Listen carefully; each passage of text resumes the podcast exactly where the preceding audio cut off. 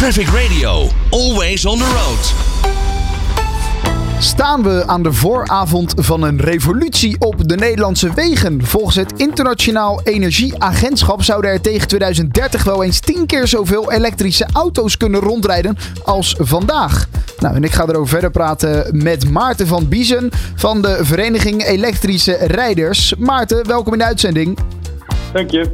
Ja, een uh, interessant onderzoek. Een internationaal onderzoek, dus dat moeten we er even bij zeggen. Jullie zijn natuurlijk uh, een Nederlandse vereniging uh, voor, voor, de elektrische rijders hier in Nederland.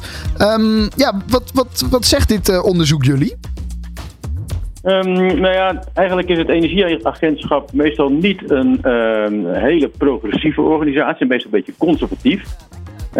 als je nu kijkt naar de cijfers die ze zeggen, en dan hebben ze het over Um, vertienvoudiging. Als je naar Europa kijkt, dan zegt Europa nou in 2030 hebben we 30 miljoen elektrische auto's op de, op de weg uh, rijden. En we zitten er nu zo ongeveer dat ergens tussen de 2 en de 3. Dus nou, vertienvoudiging lijkt erg overeen te komen met wat Europa wil. Um, als je naar Nederland kijkt, uh, dan hebben we nu 420.000 elektrische auto's in Nederland, volledig elektrische auto's. Ja, als je dat vertienvoudigt, dan, dan zitten we op ruim 4 miljoen. En ik denk dat we dat uh, niet gaan halen. Nee, dat wilde ik net zeggen. Dat klinkt voor mij als een enorm hoog aantal. Wat ik een beetje ja. Ja, idealistisch vind, om het zo maar te zeggen. Ja, nee, maar voor Europa klopt dat dus wel. Uh, maar in Nederland loopt echt wel, uh, we gaan wel hard. Hè? Net zoals bijvoorbeeld nou, Duitsland, die gaat ook een stuk harder. maar ja. er zijn natuurlijk ook landen in Europa die nog helemaal niet zo op streek zijn. En daar zal je die groei echt nog wel behoorlijk zien, zien gaan toenemen. Precies, dus vooral daar zal de groei plaatsvinden in landen waar dat elektrische rijden nou ja, echt nog omarmd moet worden. Hier in Nederland zijn we al aardig op weg. Als je nou ja, op een kaart kijkt waar je allemaal kan opladen in Nederland, dan zijn het ook al ontzettend veel plekken. Maar ja. toch gaan we nog niet zo hard dat we die 4 miljoen kunnen gaan aanraken.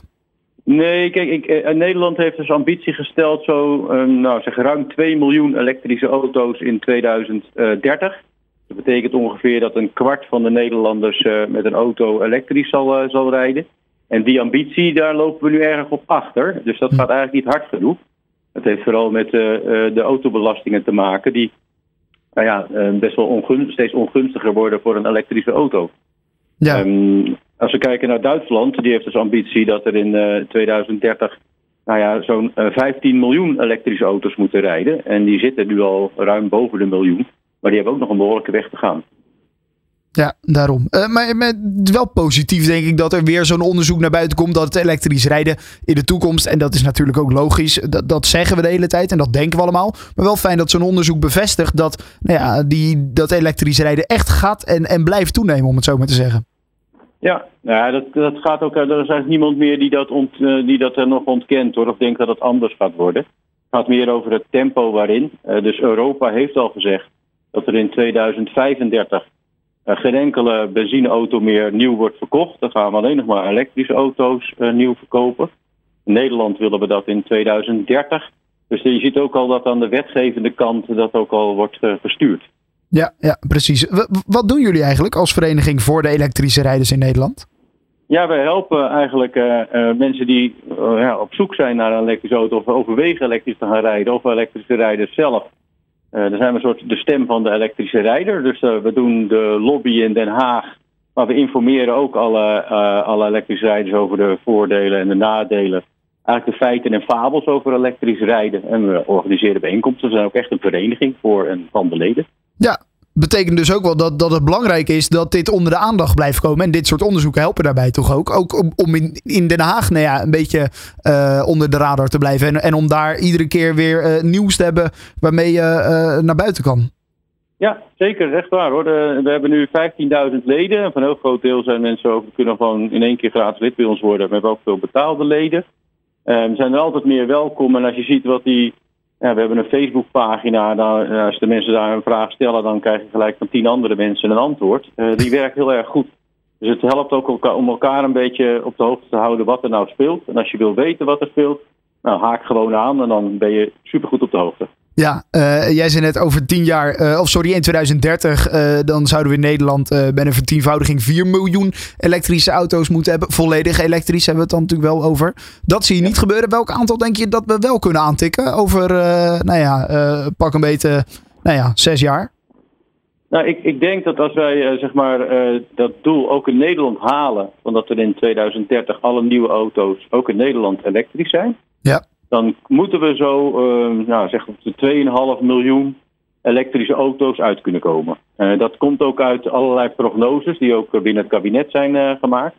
Dus het enige wat je moet doen is daarop blijven sturen. en dan hebben we dat soort aantallen. Ja, en moet het dan nog weer aantrekkelijker worden gemaakt? Want we hebben, nou ja, het kabinet is gevallen, maar er waren wel allemaal plannen naar buiten gekomen. waarbij het elektrisch rijden niet meer de voordelen heeft. die, die het nu eigenlijk nog wel heeft in de toekomst. Is dat een goede of een slechte ontwikkeling? Ja, dat is dus een hele slechte. Ja, die, de aantallen die ik nu zeg en die ambities ook van hetzelfde kabinet, uh, die worden nu niet gehaald. Doordat de autobelastingen uh, echt alle voordelen eraf gaan. Kijk, uh, om iets heel simpels te noemen, de motorrijtuigenbelasting van een elektrische auto, die is nu nul. Ja. En die wordt na 2025 hoger dan van een vergelijkbare benzineauto. Ja. Ja, als je, dat, als je wil stimuleren, is dat natuurlijk een erg domme manier. Dat, dan, dan rem je. Ja. Uh, dus wij gaan ervan uit dat een nieuw kabinet ervoor zorgt dat de motorrijtuigenbelasting lager is voor een elektrische auto dan voor een benzineauto. Maar dat moet allemaal nog worden geregeld. En als je dat niet regelt, dan haal je deze aantallen die ik net noemde echt van geen kant. En dan worden we ook in Europa een beetje een achterblijver. Want er is geen land in Europa, zelfs niet in de wereld, die uh, motorrijtuigenbelasting voor een uh, elektrische auto vraagt die hoger is dan voor een benzineauto. Ja, blijft natuurlijk wel een lastige zaak. Want als ik dan eventjes op de stoel van het kabinet ga zitten, dan gaan ze ook zeggen: ja, die, die auto's die rijden ook op de weg. Die maken dus ook gebruik van het onderhoud wat wij aan de weg plegen. Die moeten daarvoor betalen. En sterker nog, als iedereen elektrisch gaat rijden, krijgen wij ook geen uh, nou ja, belastingen meer binnen uh, van het tanken. Geen accijnzen meer binnen. Dus, dus daar verliezen we ook nog eens een hele klap geld. Het moet wel ergens binnenkomen.